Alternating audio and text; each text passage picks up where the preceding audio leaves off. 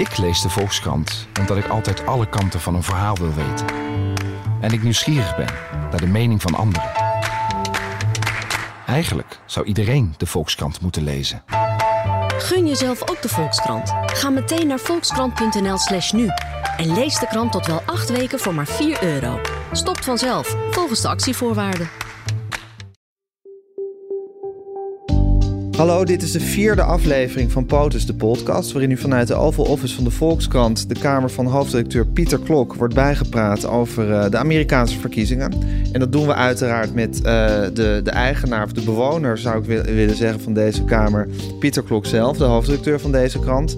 Uh, en met Natalie Wrighton, die hier altijd aan tafel zat in de vorige afleveringen. Maar Natalie, je zit nu in een auto in... Georgia. Georgia, on my mind. dat is in het, in het zuiden van Amerika. En ik zit in een auto omdat er vannacht een, uh, een orkaan over het stadje heen ja. is getrokken, waar ik ben. Rome heet dat stadje. En nou zitten 1 miljoen mensen zonder stroom. En ik was best wel onder de indruk, maar de receptionist hier was vrij uh, laconiek. Dus het gebeurt hier vaker, heb ik het idee. ja, en meestal hebben we in een los contact nog midden in de aflevering Michael Persson. Maar die praat nu gewoon gezellig. Nu we toch zo met telefoonlijnen bezig zijn, praat hij gewoon gezellig met ons mee. Michael, waar ben jij?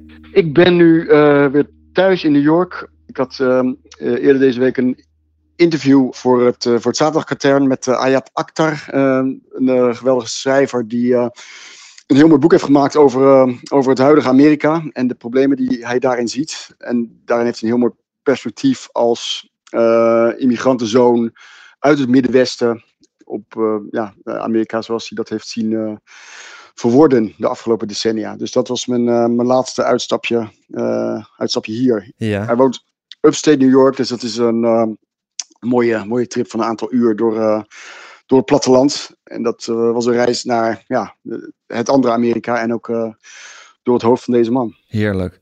Hey Pieter, heb jij nou, ik heb altijd bij tijdens, tijdens die Amerikaanse verkiezingscampagnes ook een soort honger om daar te zijn.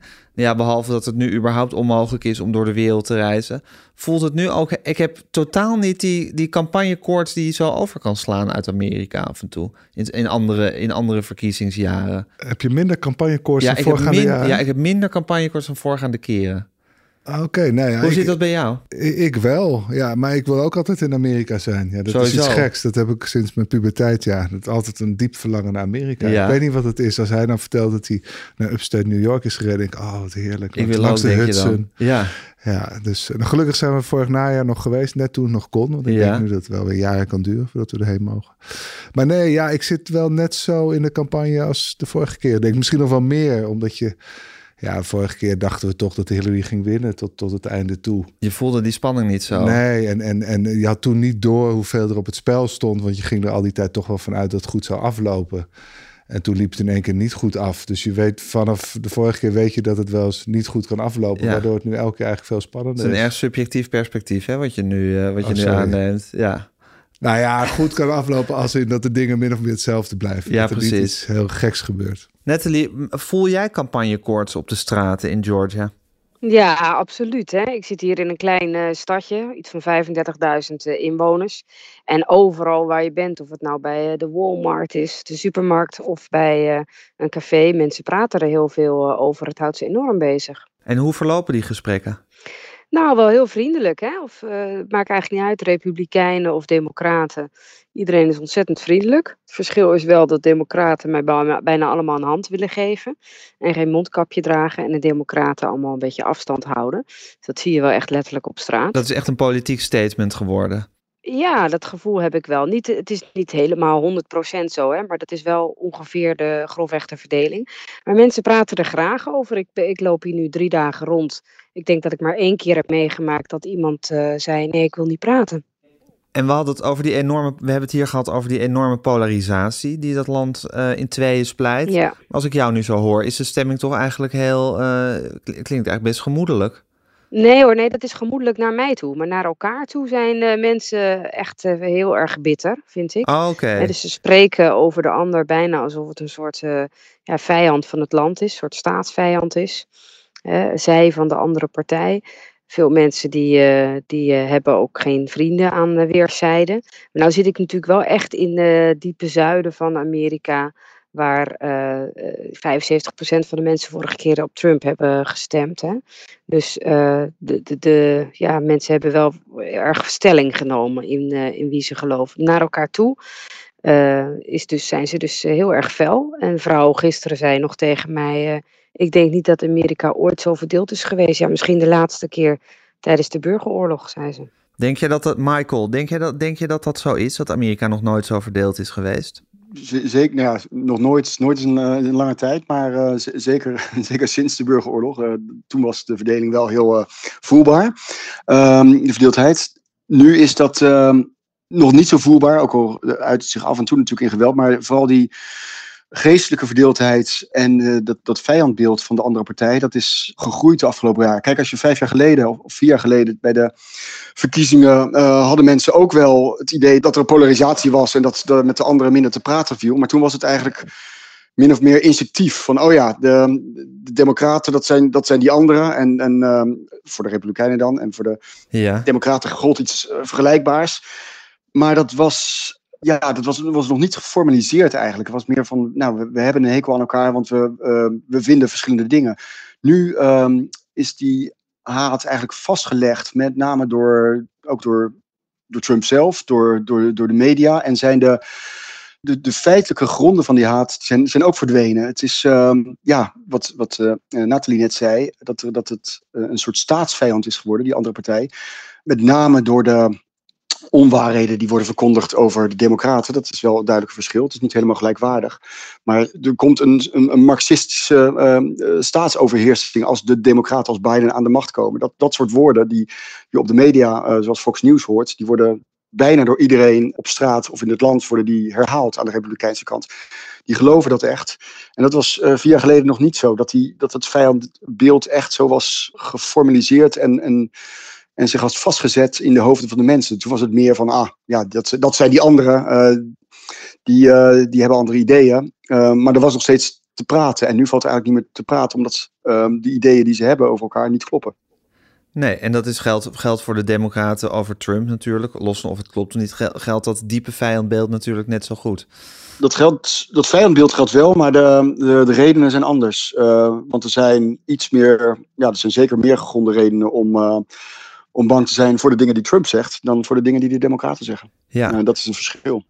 Pieter, is jouw liefde voor Amerika, heeft die ook met de Amerikaanse democratie te maken? Hou je van de Amerikaanse democratie? Uh, ja, omdat het een beetje winner takes it all principe, dat is natuurlijk heel aantrekkelijk. Het zijn echt twee boxers die het tegen elkaar opnemen met één duidelijke winnaar. En in landen als de ons is dat veel uh, troebeler. Er zijn altijd meerdere winnaars en verliezen. En er moet nog een coalitie gesmeed worden. Het, is kan veel nooit meer, zo hard gespeeld veel minder worden. duidelijk. En, en die Amerikaanse democratie is natuurlijk heel zwart-wit. En dat ook nog weer per staat. Hè? Dus ook winner takes it all. Uh, dat maakt het wel wat dramatischer en, en wat spannender dan hier, denk ik. Maar hoort dat diepe vijand denken daar dan niet ook een beetje bij? Uh, ja, nou ja, diep vijand. Als je elkaar echt als een gevaar voor de staatsveiligheid gaat zien, of een gevaar voor de democratie, dat, dat is echt een nieuw element. Vroeger was je verschil, zoals Michael zegt, gewoon van mening. De een wilde dat er eerlijker verdelen dan de ander. Het was allemaal een soort. Het vond plaats op dezelfde schaal. En dat is nu blijkbaar niet meer zo. En dat is, daar gaan we wel een nieuwe fase in. Ja, terwijl socialisme als uh, soort, soort angstwoord vanuit de Republikeinen natuurlijk niet van deze, van, van deze verkiezingen stamt. Ik bedoel, dat wordt altijd, dat wordt altijd gedaan alsof er een soort socialistische heilstaat zal ontstaan als de Democraten winnen. Ja, dus de, ja, nee, dat heeft altijd wel deel uitgemaakt van, van de retoriek. Maar, maar nu is het gewoon een heel wel om, omlijnd idee dat het gewoon dat, dat het de vijand is. Een soort vijfde kolonne. Ja. En dat is een heel ander uh, uh, narratief zit je dan ineens in. Is het dan gaat het niet meer om een verschil van opvattingen, maar om, om, om het beschermen van je eigen leven eigenlijk. Ja, en van je, van je diepste waarde ook eigenlijk. Ja. ja. En die dan ook aangevallen worden door de ander. Ja. Nou, ik merk het hier in de, ook in de gesprekken die ik heb in uh, Georgia. Dat mensen echt uh, in gescheiden werelden leven. Hè? Dus de Republikeinen die uh, kijken alleen maar naar Fox News. En de Democraten die, die zijn toch eerder geneigd om te refereren naar CNN en New York Times. Waardoor je gewoon de hele dag een heel ander wereldbeeld voorgeschoteld krijgt. Ook als je in hetzelfde land woont, dan ervaar je wat er om je heen gebeurt heel anders. En dat kwam bijvoorbeeld al naar voren. Ik was bij een stembureau gisteren. En dan sprak ik met mensen uh, als ze naar buiten kwamen: op wie heb je gestemd? En de Democraten. Die legden dan uit dat ze Biden hadden gestemd hè, omdat de coronacrisis een groot probleem is en de klimaat een probleem is. Nou, en dan vroeg ik dan aan, Republikeinen van waarom heb je op Trump gestemd? Dan komen die woorden niet eens voor. Hè, dus corona of klimaat, dat, dat komt niet voor in hun zorgenlijstje. En dat is misschien ook omdat het daar op Fox News niet over gaat. Waar ze het wel over hebben, waarom hebben ze op Trump gestemd? Hij is pro-guns, pro-life en voor een sterke economie. dus de onderwerpen waar mensen denken, die nu Amerika bedreigen, dat is gewoon al heel erg anders. Vond ik echt heel erg opvallend. Ja, voel jij dat ook zo, Michael? Dat er, dat, dat er eigenlijk dat, dat, het, dat het gewoon twee verschillende uh, werelden zijn die, die langs elkaar heen leven en eigenlijk in angst voor elkaar leven ook. Uh, ja, maar het, het, het, merkwaardige is natuurlijk uh, wel dat daaronder een gemeenschappelijkheid zit die, uh, die, die ze door die media inderdaad vergeten. Dus ze worden gevoed met het idee dat, ze, dat het over pro-guns en over guns en life moet gaan, dus abortus. En dat is een soort um, culturele tegenstelling die er natuurlijk wel degelijk is. En die is ooit gevoed sinds eind jaren zeventig omdat juist er eigenlijk economisch de zorgen ongeveer hetzelfde zijn voor zowel zeg maar, de lagere en middeninkomens onder de Republikeinen als de lagere en middeninkomens onder de Democraten. Ik uh, sprak vorige week mijn huisbazin, uh, die een, een hardcore Trump-stemmer is. Ja, en, en, als, je, als je doorvraagt voorbij de guns en voorbij de abortus, dan vindt zij het heel belangrijk, vindt ze de gezondheidszorg veel te duur in Amerika. Dat klopt, is zo. Is natuurlijk verschrikkelijk duur hier. Uh, is een grote last voor, uh, voor iedereen die minder dan 100.000 dollar per jaar verdient. Zij vond de, het minimumloon te laag. Uh, mensen hadden gewoon te weinig geld om fatsoenlijke huur te kunnen betalen. In haar belang, want zij is, zij, zij is een, een, een makelaar. dus dat probleem kwam ze tegen. En op wie stemt ze dan? Toch op de Republikeinen, toch op Trump. Want ze is gevoed met het idee dat daar haar belangen liggen. En dat ze die met name culturele waarden moet, moet verdedigen en die richting op moet stemmen.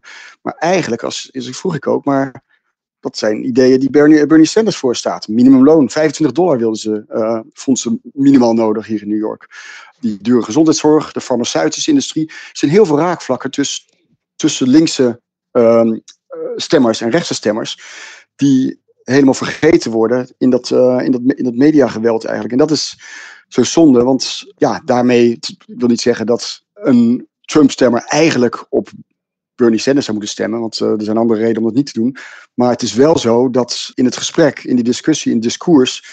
er veel meer raakvlakken en dus ook veel meer redenen en, en mogelijkheden tot compromissen zijn dan ze zelf denken. Uh, dan de stemmers zelf denken. En daarmee kom je een beetje terug wat, wat Pieter zei. Dat die, die polarisatie tussen twee partijen, de eenvoud van twee partijen, die is heerlijk overzichtelijk.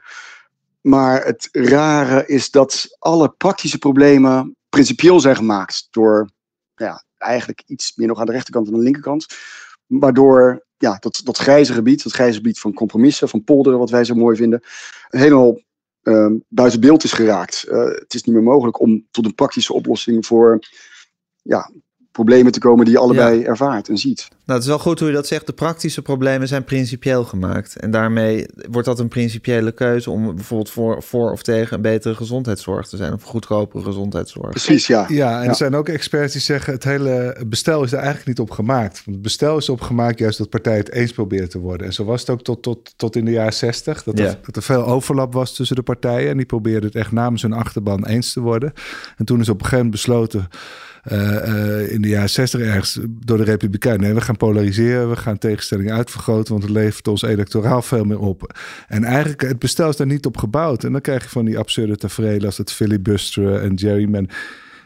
Eigenlijk is het, het Amerikaanse bestel is Wat bedoeld... is filibuster en gerrymandering? Oh, sorry, ja. filibuster is dat je eindeloos eh, gaat uh, oreren in de Senaat, geloof ik, of het Huis, om te voorkomen dat een voorstel in stemming wordt gebracht. Dus dan kun je, ja, kun je het gewoon eindeloos traineren dat, dat, iets, uh, dat een wet wordt aangenomen.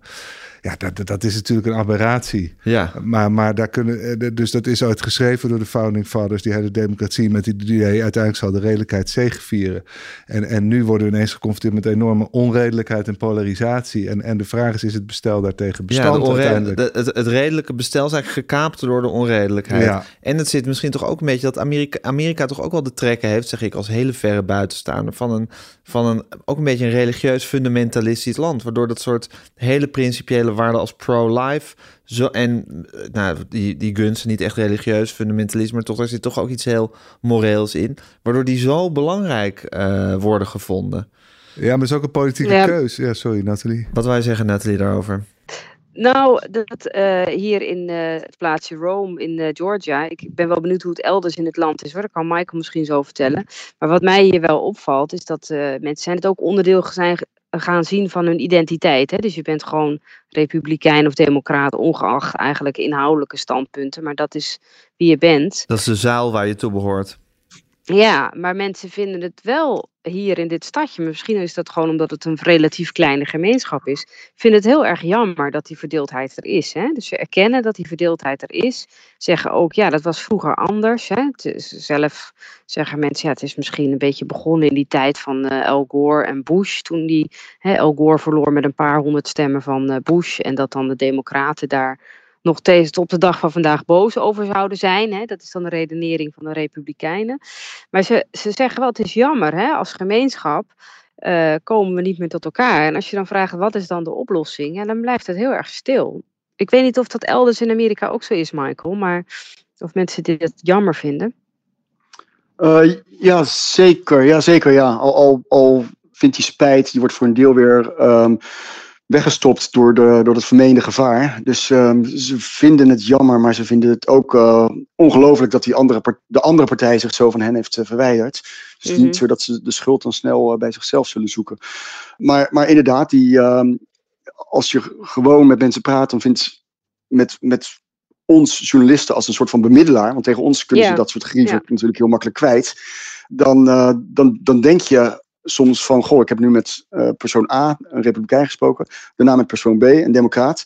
Ik vond ze allebei heel erg aardig en vriendelijk en genereus en gastvrij. Ja. En uh, ik kan bij allebei blijven eten en blijven slapen. En ik vertrouw ze tot het, tot, tot het einde der dagen. Waarom kunnen ze dan niet zonder mij ook elkaar vertrouwen ja. en ook elkaar met elkaar omgaan en ook, uh, ook aardig aan de bar zitten? En, en, maar dat lukt dus niet, omdat ze elkaar gewoon niet meer kennen en niet meer herkennen. En dat is natuurlijk, ja, dat is een hele grote makke. Waar, ja, waar we net komen terug bij die onredelijkheid van, van net. Waarbij wel nog, ik moet zeggen dat die geloofsbrieven, die, die principiële punten zoals uh, life, pro-life en, en, en de guns, die zijn, ja, die zijn inderdaad ook, ook bedacht, uh, wat Pieter al zei, om te polariseren. Die, ja. die stammen eigenlijk uit de jaren zeventig. Weet je wel, de, de christelijke uh, gemeenschap in de jaren zeventig, die was niet eens uh, anti-abortus. Want die, sterker nog, die waren pro-abortus. Ja. Een kleine racistische ondertoon. omdat ze vonden dat uh, Afro-Amerikanen te veel kinderen kregen. Eén, wapens geldt hetzelfde voor. Er waren republikeinen tegen. Ook met hetzelfde idee dat, dat bepaalde mensen in het land dan misschien wel eens te gevaarlijk zouden kunnen worden. Dus die principes, zogenaamde principes, die zijn, die zijn best wel gekunsteld. Die zijn kunstmatig en op een gegeven moment herkend of teruggevonden in de grondwet. En toen is er een, een onwrikbaar punt van gemaakt. Maar ja.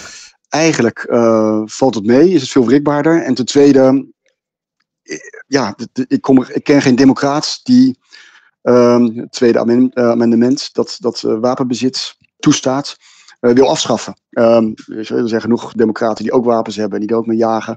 En die, de, die die nooit kwijt willen. Maar omdat zo'n zo'n ja, onderdeel van die rechtse identiteit is geworden, geloven ze ook dat de ander er anders over denkt. Is helemaal niet zo. Mm -hmm. Reguleren, dat wel. Weet je wel, de, de, natuurlijk iets minder wapens op straat of um, betere uh, vergunningsverlening, dat soort dingen. Maar dat zijn allemaal hele praktische oplossingen ja. voor, de, voor het probleem. En die zijn diep principieel geworden, eigenlijk gemaakt uh, in de afgelopen decennia. Ja. Laten we het even hebben, jongens, over de, de laatste campagnebewegingen, zoals Pieter dat zo mooi noemt, die er zijn geweest. Laten we om te beginnen even luisteren naar wat fragmenten van alle verschillende kandidaten en hun supporter. He is the worst candidate ever to run in the history of a, of a presidential election. He is the worst. That's why there's tremendous pressure on me.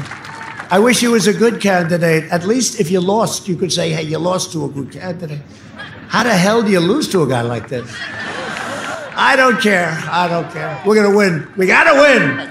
Listen, winter is coming. They're waving the white flag of surrender.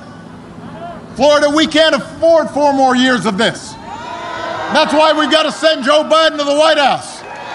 Few words better describe the kind of president our nation needs right now. president who is not in it for himself, but for others. A president who doesn't divide us, but unites us. A president who appeals not to the worst in us, but to the best. A president who cares less about his TV ratings and more about the American people.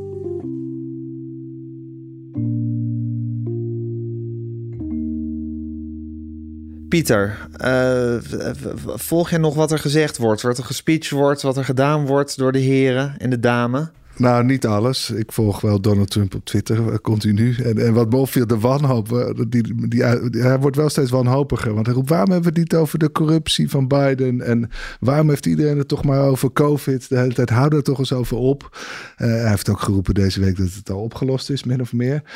Dus je ziet wel in toenemende een soort wanhoop en moedeloosheid toeslaan. Ja, verder zijn het een beetje twee boxers die nog uh, tegen elkaar aanhangen en nog wat stoten hebben. Oud en afgemat. Uit, oud en afgemat.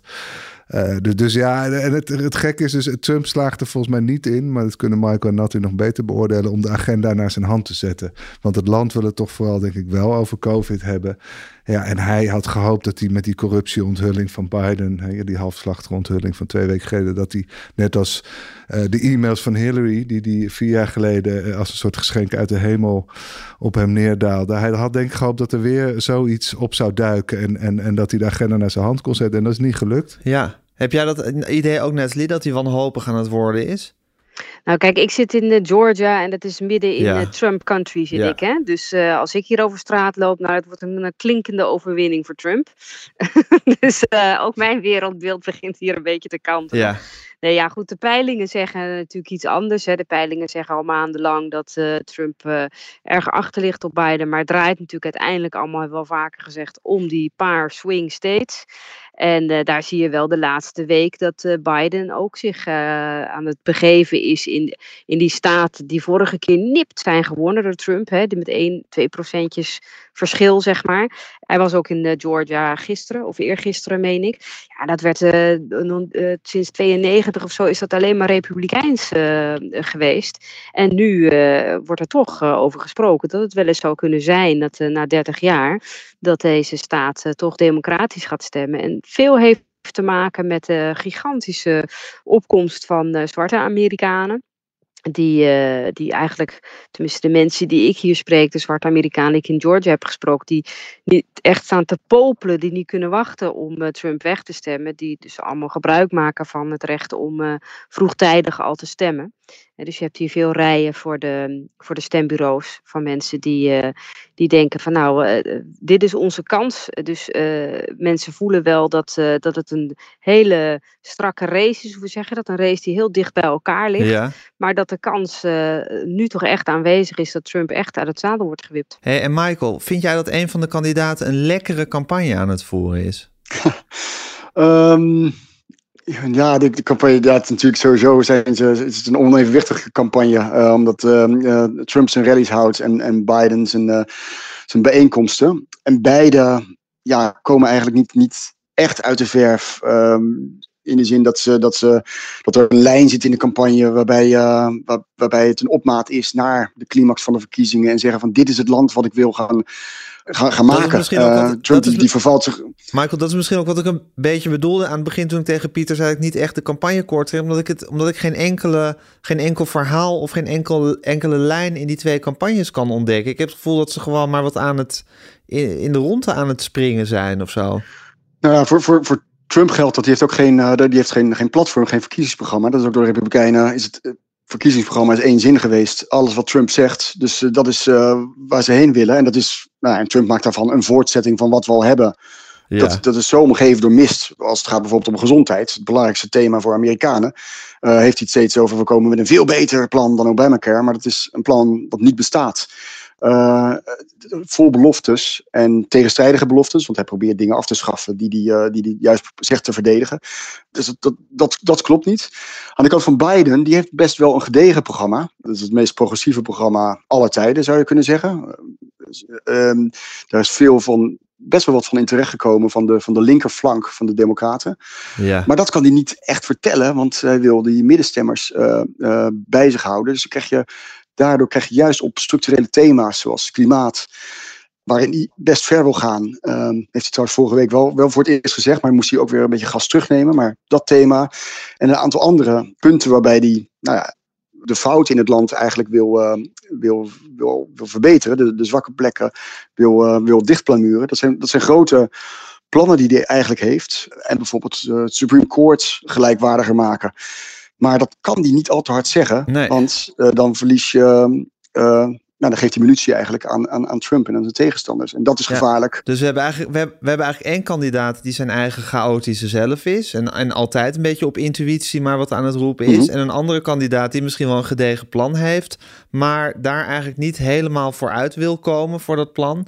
Dus zich eigenlijk vooral gedijst aan het houden is. Ja. ja, en je hebt, geen sne je hebt geen sneeuwbal dit keer. Hè? Toen de Obama president, dat was echt een sneeuwbal. Die begon ja. een soort outsider en die werd steeds groter en groter ja, en je groter. voelde de opwinding rond die man, voelde je uh, ja, toenemen alsmaar. Was, precies, je zag het al een jaar aankomen en dat ja. mondde uit in een enorme climax. En, en dat had je vier jaar geleden eigenlijk ook. Want Trump begon ook als een totale outsider. Niemand gaf hem serieuze kans. En die kreeg steeds meer steun. Je zag die uh, rallies werden steeds drukker.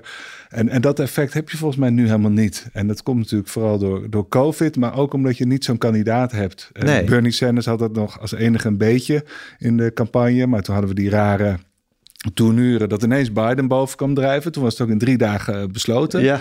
Terwijl het zag, het zag er helemaal niet naar uit, heel lang. Dus het is in die zin gewoon een rare, atypische campagne. Waarbij je niet dat aanrollende, steeds luider wordende enthousiasme en, en spirit hebt. Voel je met ons mee, Netelies? Nou, ben je het met ons eens? Nou, ik uh, dacht van ja, is er nou inderdaad toenemende opwinding? Dat misschien niet, maar ik heb hier op straat het gevoel dat mensen vooral een beetje hun hart vasthouden. Van wat gaat gebeuren op 3 november als dan Trump wel of niet uh, heeft gewonnen? ik sprak gisteren ook iemand hier bijvoorbeeld in het midden van Georgia ontzettend veel mensen hebben een wapen en lopen daar ook gewoon mee rond. Hè? Dus ja, wat gaat er gebeuren als hij dan uh, op een gegeven moment zegt ja, uh, dat hij uit de peilingen of uit de stemming zou blijken dat hij niet heeft gewonnen, maar dat Trump dat bijvoorbeeld niet erkent. Ik denk wel dat er een soort, ja, mensen, ik denk dat het een soort ontlading is als uiteindelijk nou maar duidelijk wordt hè, wie er is geworden. Uh, en dat ja, mensen hopen dat die ontlading niet resulteert in gevechten. Ja, daar gaan we het nu over hebben. Want we hebben. Ik heb het nog, nog, even, nog even één ding, Gijs. Nog even één ding. Want, want, want, want, die, die sneeuwbal is er uh, inhoudelijk misschien niet, maar in, uh, in stemgedrag uh, natuurlijk wel. De opkomst wordt groter dan ooit. Als alles klopt, wat alle signalen wijzen in van die kant op. Met al die vroege stemmers. Texas hebben nu al meer mensen gestemd dan in 2016 bij elkaar. En de verkiezingsdag moet nog komen. Dat geldt in Georgia, waar Natalie zit. Dat geldt in New York, waar het niet eens ertoe doet of je gaat stemmen. Want Biden dit toch wel. Toch willen heel veel mensen willen, stemmen. Dat geldt ook aan de kant van Trump, waarbij ehm, nog meer mensen fan zijn geworden en um, idolaat van hem zijn. Dus aan beide kanten is er enorm veel fanatisme om die stem uit te brengen. Zelfs ondanks de lange rijen waar je in moet gaan staan. Dus er, uh, in die zin is er wel een sneeuwbal. Uh, en dat ja, is precies. puur binair via Trump via, uh, of niet via Trump. En, en dat, de passie om dat uh, te willen of niet te willen, die is enorm. Ja, ja, dus zou we zeggen, de liefde en de haat, de liefde voor en de haat tegen Trump maken dat er een enorme eagerness is, bereidheid is om te gaan stemmen. Ja, ja. Hey, en Michael, nog even, we hebben het daar eerder over gehad, maar die, die enorme hype die er nu is rond dat vroege stemmen, dat er zoveel mensen al gaan stemmen voor de daadwerkelijke stemdag, is gewoon vanwege die, die vastberaden uh, wil om je stem uit te brengen. Ja, zo, zo ervaar ik dat hier wel. Want ik heb, uh, nou ja, hier dus in New York, uh, waar wat geen swing state is en uh, waarvan de uitslag in ieder geval op landelijk niveau min of meer vaststaat van tevoren. Maar het hardnekkigheid waarmee mensen hebben besloten, ik wil gaan stemmen. Op dag 1 van het vroege stemmen, afgelopen zaterdag, stonden mensen om 7 uur s ochtends voor de deur van stembureaus, terwijl die om 10 uur pas open gingen. Uppakee, eindelijk is het moment aangebroken, aangebroken om iets te doen. Uh, wat vier jaar lang natuurlijk heel lastig was. Ja. En, en, en dat, dat, dat is niet één wijk, dat geldt van rijk tot arm hier in de stad. Want ik heb uh, een paar rondjes gefietst. Ja. Hebben mensen zich echt opgeladen om dat, om dat kruisje te zetten of dat formulier in die, in die bus te stoppen. Mensen willen stemmen en hoe eerder ze dat kunnen doen, hoe beter. Ik bedoel, zodra die kans er is, willen ze dat gewoon gaan doen. Oké, dat is duidelijk. Ze willen, ze willen het, ze willen het gehad hebben, ze willen er klaar mee zijn. Hier. Ja dat stemmen per post is natuurlijk ook een, of een, of een, of een tricky punt vanwege de, uh, de, de zweem van vrouw die er omheen hangt. Althans, dat, dat beweert Trump. Laten we even luisteren naar wat hij daar zo over te zeggen heeft. We're competing in a rigged election. This is a rigged election, folks, okay? The only way we're going to lose this election is if the election is rigged. Remember that. It's the only way we're going to lose this election. Well, we're going to have to see what happens. You know that I've been complaining very strongly about the ballots, and the ballots are a disaster. I understand that, but people are rioting. Do you oh, commit to making sure that there's a no, peaceful wanna, transfer of power? We want to have get rid of the ballots, and you'll have a very trans. We'll have a very peaceful. There won't be a transfer, frankly. There'll be a continuation. Pieter, bestaat er denk jij het gevaar dat welke uitslag er ook komt, dat het gewoon niet geaccepteerd wordt? Ja, dat hebben we in 2000 ook al gezien. Dat een van de kandidaten het niet, uh, zich er niet bij neerlegt. En dan kan het al snel. Dat was toen Al Gore zich niet bij de overwinning van George Bush. Ja, toen werd hij Al Sore, Al Sore en Joe Loserman werden ze genoemd door de Republikeinen. En toen werden ook al door Roger Stone, dus de, de, die was toen ook al uh, actief voor de Republikeinen, werden demonstranten de straat op gestuurd. Om, om weer te demonstreren tegen de Democraten die de uitslag maar niet accepteerden.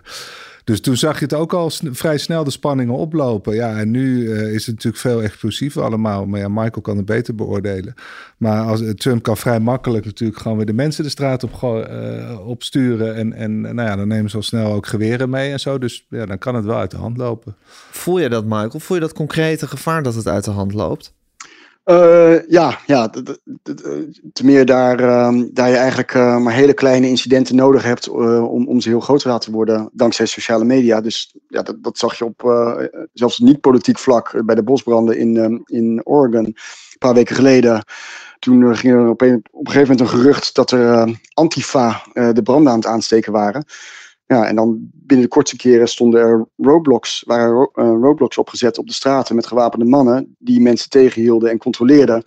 Omdat ze dachten dat die uh, van, de, van de andere partij waren. Dus uit het, uit het niets, zelfs zonder incident, uh, ontstaat er het gevoel dat er iets mis is.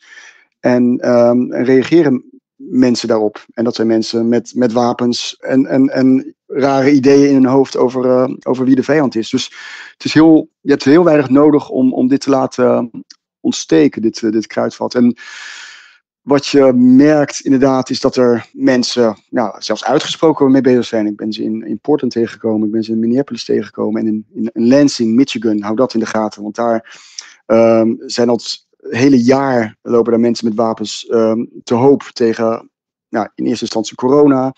De gouverneur is daar uh, de boeman of de boevrouw geworden. Um, er zijn plannen geweest om haar te ontvoeren. Er lopen daar milities, zijn daar aan het, aan het trainen in, uh, in, in bossen en weilanden voor de verkiezingen. Daarbij komt dat uh, Trump voor de verkiezingen zelf heeft opgeroepen om de, de stembureaus in de gaten te houden.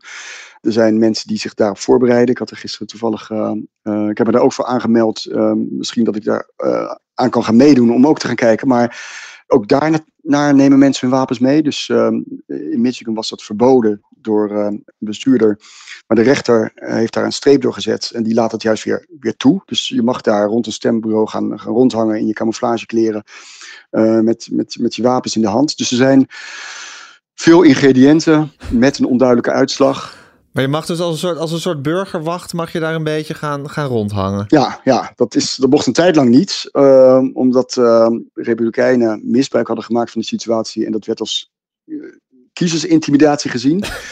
Uh, maar dit jaar voor het eerst uh, is dat verbod opgeheven. Dus, dus het mag weer. Dat is toch ongelooflijk, Pieter? En, en, dit is, dit is, ja, dus het is een, in, in, principe een heel erg democratisch recht. Van, nou ja, elke burger kan, kan, kan, kan toezicht houden op het stemproces. Dat is natuurlijk prachtig. Transparantie. Ja, zo is er nog wel een paar maar dat is een heel mooi principe. Ja, Pieter vindt het een heel mooi principe. Ja, maar je ziet dus, het is niet ook weer opnieuw niet bedoeld voor een gepolariseerde samenleving. Dus dit was ooit een heel mooi, eh, denk ik, mooie gedachte. Dat je als elke burger kan gewoon controleren. Precies. Maar ja, nu wordt het weer misbruikt eigenlijk in een heel gepolariseerd klimaat. Ja. En dat zie je dus op heel veel vlakken, zie je dat terugkeren. Het is weer iets redelijks wat door de onredelijkheid gekaapt nou, daar wordt. lijkt het op, ja. Voel jij dat ook, Nathalie? Die, die, die, deze kruidvatachtige situatie waarin mensen in camouflage kleren met geweren bij stembureaus zelf gaan controleren of het allemaal wel eerlijk verloopt? Ja, absoluut hoor. Ik sprak gisteren nog een vrouw die uh, democratisch was. En uh, die, uh, die zei, ja, bij ons hier in het stadje, daar rijden gewoon die, die jongens, die noemen zichzelf de 3% of Georgia of zoiets. Die rijden in pick-up trucks rond en daar zitten ze achterin met hun grote wapens. En gewoon door de hoofdstraat van het dorp hè, gaan ze heen en weer rijden. Ze zijn, het zijn achterlijke gladiolen en ze doen niks. Maar toch, zei ze. Hè? Dus het is wel ja, ze is er wel zenuwachtig over wat er, wat er gaat gebeuren. En ook aan republikeinse zijde hoor. Iemand die toch wel heel openhartig zei, ja, een beetje op een fluistertoon. Ik ben toch wel bang uh, dat het geweld gaat worden. Hè? En dan wijzen ze uiteraard weer uh, naar elkaar. Um, maar ja, die angst is er wel. En uh, overigens, we, we, zijn natuurlijk heel erg bekend in Nederland met die militia's van allemaal witte, blanke, uh, boze mannen, hè? De, de, de white supremacists. Maar er is in Georgia ook een uh, beweging, uh, in ieder geval, die is hier ooit opgericht. Die hebben nu een paar keer zo'n mars gehouden. Dat, van allemaal zwarte, bewapende, zwaar bewapende mannen, die dus ook in camouflage kleren rondlopen. En die noemen zich, misschien kan Michael me verbeteren, maar de NFAC, de No Fuck Around Coalition die, mm die gaan weliswaar niet om zich heen schieten, maar dat zijn dus wel uh, gasten die gewoon met semi-automatische wapens over straat lopen met uh, tientallen, soms zelfs honderden tegelijk. Ja, dat kan natuurlijk ook echt, er hoeft maar een heel klein vlammetje bij te komen en die gaan met elkaar op de vuist natuurlijk. In Nederland wordt het dan knokken, maar hier, ja, als er één dooie valt, dan is het vlammende pan, hè? Michael, het is, het is toch ook wel weer een heel treurig vooruitzicht. Hè? Dat, dat er nu gewoon verkiezingen worden gehouden. En dat je eigenlijk welke uitslag er ook is. Ik weet niet welke, welke uitslag je de meest vreedzame zou vinden, mogelijkerwijs. Maar dat je gewoon bang moet zijn dat het tot, tot rellen, doden, schietpartijen, weet ik veel wat gaat leiden. Ja. maar het kan ook zijn omdat mensen er zo bang voor zijn hè, dat, het, hè, dat het toch niet gebeurt. Dat zou kunnen, maar er zijn, ja. weet Michael meer vanaf, maar er zijn ook nog andere manieren waarop het uit de hand kan lopen. Hè, dat Trump het uh, gewoon uitga, aan gaat vechten. Michael, wat denk je? Nou, ik denk, ik denk hoe, hoe dan ook dat het uh, de, echt de, de Amerikanen die in staat zijn of bereid zijn tot geweld, dat, dat is een enorme kleine minderheid. Maar dat, daar, daar spelen die 3%ers ook mee, zoals Nathalie uh, was tegengekomen. Uh, die zijn genoemd naar het idee dat voor de Amerikaanse revolutie, oftewel de onafhankelijkheidsoorlog tegen de Engelsen, uh, maar 3% van de bevolking uh, nodig was om, om die opstand te winnen.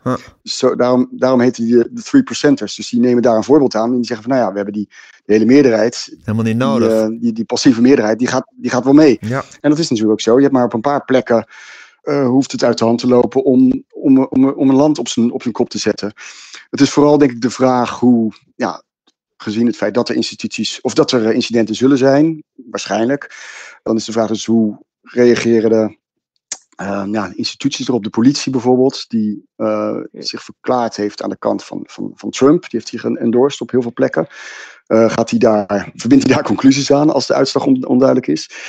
de media, wat doet Fox News dinsdagnacht als er een onduidelijke uitslag is? nog geen uitslag is, kan ik beter zeggen, maar ze wel denken van nou ja, we gaan hem alvast uitroepen. Wat doen de sociale media? Uh, gaan die uh, op de rem staan als er, als er geruchten gaan rondzingen? Dus daar zitten in theorie dempende mechanismen en in theorie en, en eventueel versterkende mechanismen. En ik denk wel dat de demping en de massa van dit land nog steeds groot, te groot is om, om echt te laten kantelen door, een, door een aantal van die nou ja, gekken of uh, fanaten. gewelddadige types. Hey, en Michael, het, het, woord burgeroorlog valt, valt af en toe. Hè? Van misschien breekt er wel een burgeroorlog. Wanneer heb je eigenlijk een burgeroorlog? Wat is, wat is eigenlijk de definitie precies van een burgeroorlog? Ja, dat, Nou. dat, dat, is, dat is een goede vraag. Ik, ik, ik, hou het, eh, ik, zeg, me- ik zeg meestal, nou, dat is niet heel waarschijnlijk, maar burgeronlusten eh, eh, kan ik me wel voorstellen. Maar die heb je natuurlijk rond de Black Lives Matter ook al gehad, de burgeronlusten. Dat, Ja, ja. Maar goed, dan ehm, op welk moment eh, is het geweld zo groot dat je, dat je, dat je van een oorlog kan, eh, kan spreken? Ja, ik, ik denk, ik denk als, het, als, het, als het escaleert, als het blijft escaleren en, en niet tot incidenten beperkt blijft. Want hoe, ook al is er geweld geweest de afgelopen maanden, het was ja, heel even daar in Kenosha had je natuurlijk actie-reactie. Dus als dat dan vervolgens eh, een keten wordt, eh, dan krijg je iets oncontroleerbaars. Ik denk dat het daar ergens in zit. wat denk jij ervan, Nou, ik heb, ik heb een tijdje in zo'n... eh, Nathalie, één seconde, Nathalie, één Ja? seconde, want ik zie Pieter Nee, met zijn vingertje. Nou, nee, ja, volgens mij het, een oorlog heb je als in georganiseerd verband strijd wordt geleverd. Dus als je echt eh, georganiseerde milities krijgt of hele legers die zich gaan vormen. En zolang het eh, individuele onlusten Zolang zijn, het dan- rellen zijn, mensen dan die is het gewoon geen burgeroorlog. Nee, precies. Maar natuurlijk, burgers kunnen zich op een gegeven moment gaan verenigen. Eh, Ja, die gewoon- kunnen milities gaan vormen, Ja. die kunnen steeds groter worden. Dus de- ja, en op een gegeven moment spreek je dan denk ik van een oorlog. Als het een, een georganiseerd leger is. Wat wil jij zeggen, Nathalie? Nou, ik heb in Afghanistan eh, drie jaar eh, rondgelopen. Er was natuurlijk überhaupt een oorlog gaande, maar je had ook gewoon in heel veel delen van het land een burgeroorlog gaande. En wat de definitie daarvan was, is gewoon dat burgers met een wapen op elkaar gaan schieten. En dat er geen autoriteit aanwezig is om ze tot de orde te roepen. En het gevaarlijke natuurlijk met, eh, op zo'n moment van verkiezingen, is dat het niet helemaal duidelijk is op dat moment wie het land leidt. Dus dat maakt het gewoon een heel erg gevaarlijke situatie. Want op, onder normale omstandigheden gaat er niet zomaar een burgeroorlog uitbreken in, eh, in Amerika natuurlijk. Maar het is juist dat kantelmoment. Dus het is hopen op dat of Trump of Biden op een gegeven moment ja, voldoende aanzien heeft om eh, ja, mensen te kalmeren en de, en de, en de politie eh, eh, genoeg voldoende macht te geven om het de kop in te drukken. Ja, precies. Dus het echt gevaarlijke moment wat jou betreft is het moment dat niet duidelijk is, niet totaal duidelijk is wie, wie de macht heeft eigenlijk. Exact, En dat ja. kan zijn als, als een van de twee met een kleine meerderheid heeft gewonnen, zo klein dat de ander het niet accepteert en dat hij ook niet meer echt de steun heeft van de politie, het leger, weet ik veel wat, de, de, de, de organisaties die de, die de orde nou eenmaal moeten handhaven. Ja, want de politieagenten zijn eh, zeker in dit land behoorlijk gezagsgetrouw volgens Ja, mij. maar dan moet dat gezag er Eh, wel zijn. Dus ja, als de leider zegt het mag wel of niet, ja, dan, dan doen ze dat. Maar als het onduidelijk is wie de leider is, ja, dan, dan moeten ze zelf een beslissing gaan maken. En dan wordt het heel dat erg is een verschil met 2000. Toen, toen, eh, nu is een van de kandidaten is de president. Dus die kan zijn eh, presidentiële macht eigenlijk nog steeds gebruiken om de winst binnen te halen. Dat was in 2000 niet zo, want toen was Bill Clinton nog gewoon president. Ja. En waren er twee nieuwe kandidaten die om de eer gingen strijden. En dat voelde iets veiliger dan dit keer. Ja, ja, precies. En eh, toen was er ook niet iemand die zo weigerachtig was om een bepaalde uitslag eh, te accepteren. Nee. Ik bedoel, ze waren wel weigerachtig, maar toch ook bereid om zich ergens bij neer te leggen. Vind je het een wordt het een spannende eh, nacht voor ons? De nacht van dinsdag op woensdag, eh, Michael. Sowieso los van dat het spannend is wie er gaat winnen en de procentjes en kijken hoe dat allemaal loopt. Maar toch ook een beetje of, of het lont in het kruidvat gaat ontbranden. Ja, ja. Of kan het ook, ook heel goed een soort anticlimax zijn en wordt het vooral een spannende eh, twee maanden daarna. Laten we, laten we hopen op een anticlimax. Ja, waarbij, waarbij je dus, wat Pieter net zei, inderdaad dat er een, al een president zit. Dus je krijgt, eh, er is een mogelijke situatie waarbij de, eh, de macht moet worden overgedragen. En dan is het ook, wordt het heel interessant hoe dat in die twee maanden ehm, gaat gebeuren. Dat de oude president zijn verlies moet bekennen en vervolgens ook, ook, ook moet opstappen. En daar niet nog eh, rare bokkensprongen gaat maken in die, eh, in die tijd die hem nog rest. Dus dat is, eh, het, is niet alleen de nacht, het, is, eh, het zijn de weken, Ja. eh, weken daarna en de maanden daarna ook. In beide gevallen, zowel als, als Trump wint, eh, wat op dit moment onwaarschijnlijker is dan Als wanneer Biden. Wint. Pieter? Nou, ik vroeg me nog af, Michael, welke staat vind jij nou het spannendst? Welke staat moeten wij het meest naar kijken? Is dat Florida of Florida, als, als, als eh, Biden Florida wint, dan is eh, dat, dat zou een soort eh, anticlimax dan wel opluchting zijn, hoe je dat eh, zou willen zien. Want dan wordt het heel lastig voor Trump. En dat is ook een soort winst die al vroeg bekend kan zijn. Eh, want die stemmen worden vrij snel geteld, eh, komen niet laat binnen, is vrij goed georganiseerd. Dus als daar een duidelijke winst blijkt voor, voor Biden, dan kan je zeggen, dan, dan doen heel veel andere staten doen er veel minder toe. Want dan wordt het voor Trump gewoon te lastig om het nog eh, recht te trekken. Nou ja, goed, we kijken sowieso met smart uit toch naar die, daar, naar die, di- die nacht van dinsdag op woensdag. Ehm, We gaan natuurlijk allemaal kijken. En uh, in de vroege ochtend, voor ons de vroege ochtend, voor jullie de late avond, uh, gaan we elkaar weer spreken. Daar, uh, daar verheug ik me op. En dan gaan we eens kijken wat er allemaal gebeurd is. En of er al iets zinnigs over te zeggen is. Zeker. Net, Natalie en Michael. Ja, wat wij zeggen, Natalie? Nou, dan zit Michael zit, volgens mij in de buurt van Trump. Tenminste, die gaat dat proberen. En ik ga dan in de buurt van Biden proberen te zitten op verkiezingsnacht. Oh, heerlijk, jongens. En de ik... werktitel is de anticlimax.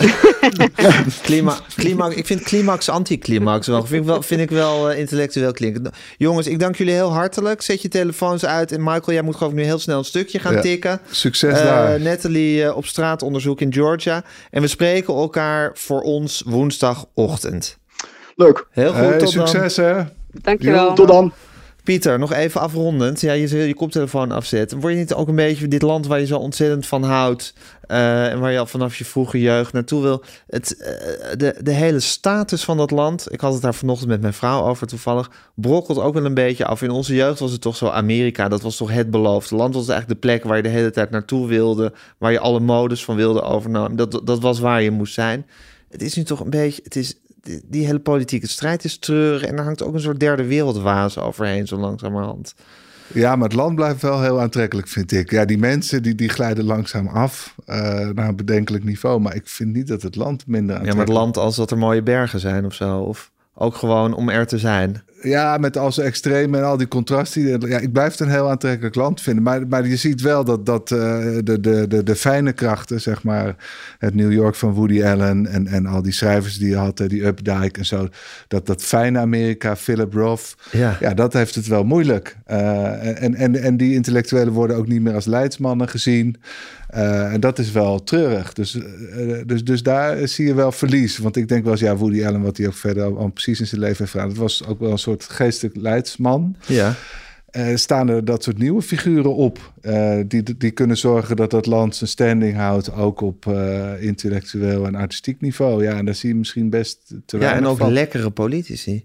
Ja, Le gewoon politi fijne politici. Fijne politici, net zoals ja, Obama. was nou de laatste fijne? Obama. Ja, Obama was nog wel heel fijn. Gewoon om van te genieten, los van wat je, wat je, wat je van hem vond... en of hij nou Ja. veel bommen heeft gegooid of weinig. Iemand om wie je kon lachen, van, Ja. wie, je, van wie je toch lekker kon houden op een of andere manier. Ja, maar goed, er zaten, daarvoor zaten ook natuurlijk best vrij enge mensen, Ja, Nixon tuurlijk. en zo. Dus Nixon het is gehad. Ja, dat, en dat was niet veel beter. Bush was ook geen vrouwelijke figuur. Nou, in retrospectief In dat ineens een enorm ja. sympathieke, wijze man. Ja, het zijn wonderlijke dingen die er gebeuren. Pieter, we zien elkaar woensdagochtend weer. Ja, hè? leuk. Ik heb er zin in. Ja. Ik ook. Oké, dankjewel. Jij ook, bedankt.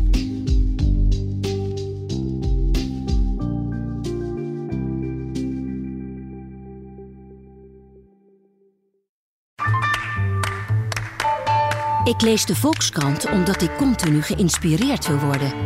Over alles wat het leven leuker en makkelijker maakt. Eigenlijk zou iedereen de Volkskrant moeten lezen. Gun jezelf ook de Volkskrant. Ga meteen naar volkskrant.nl slash nu.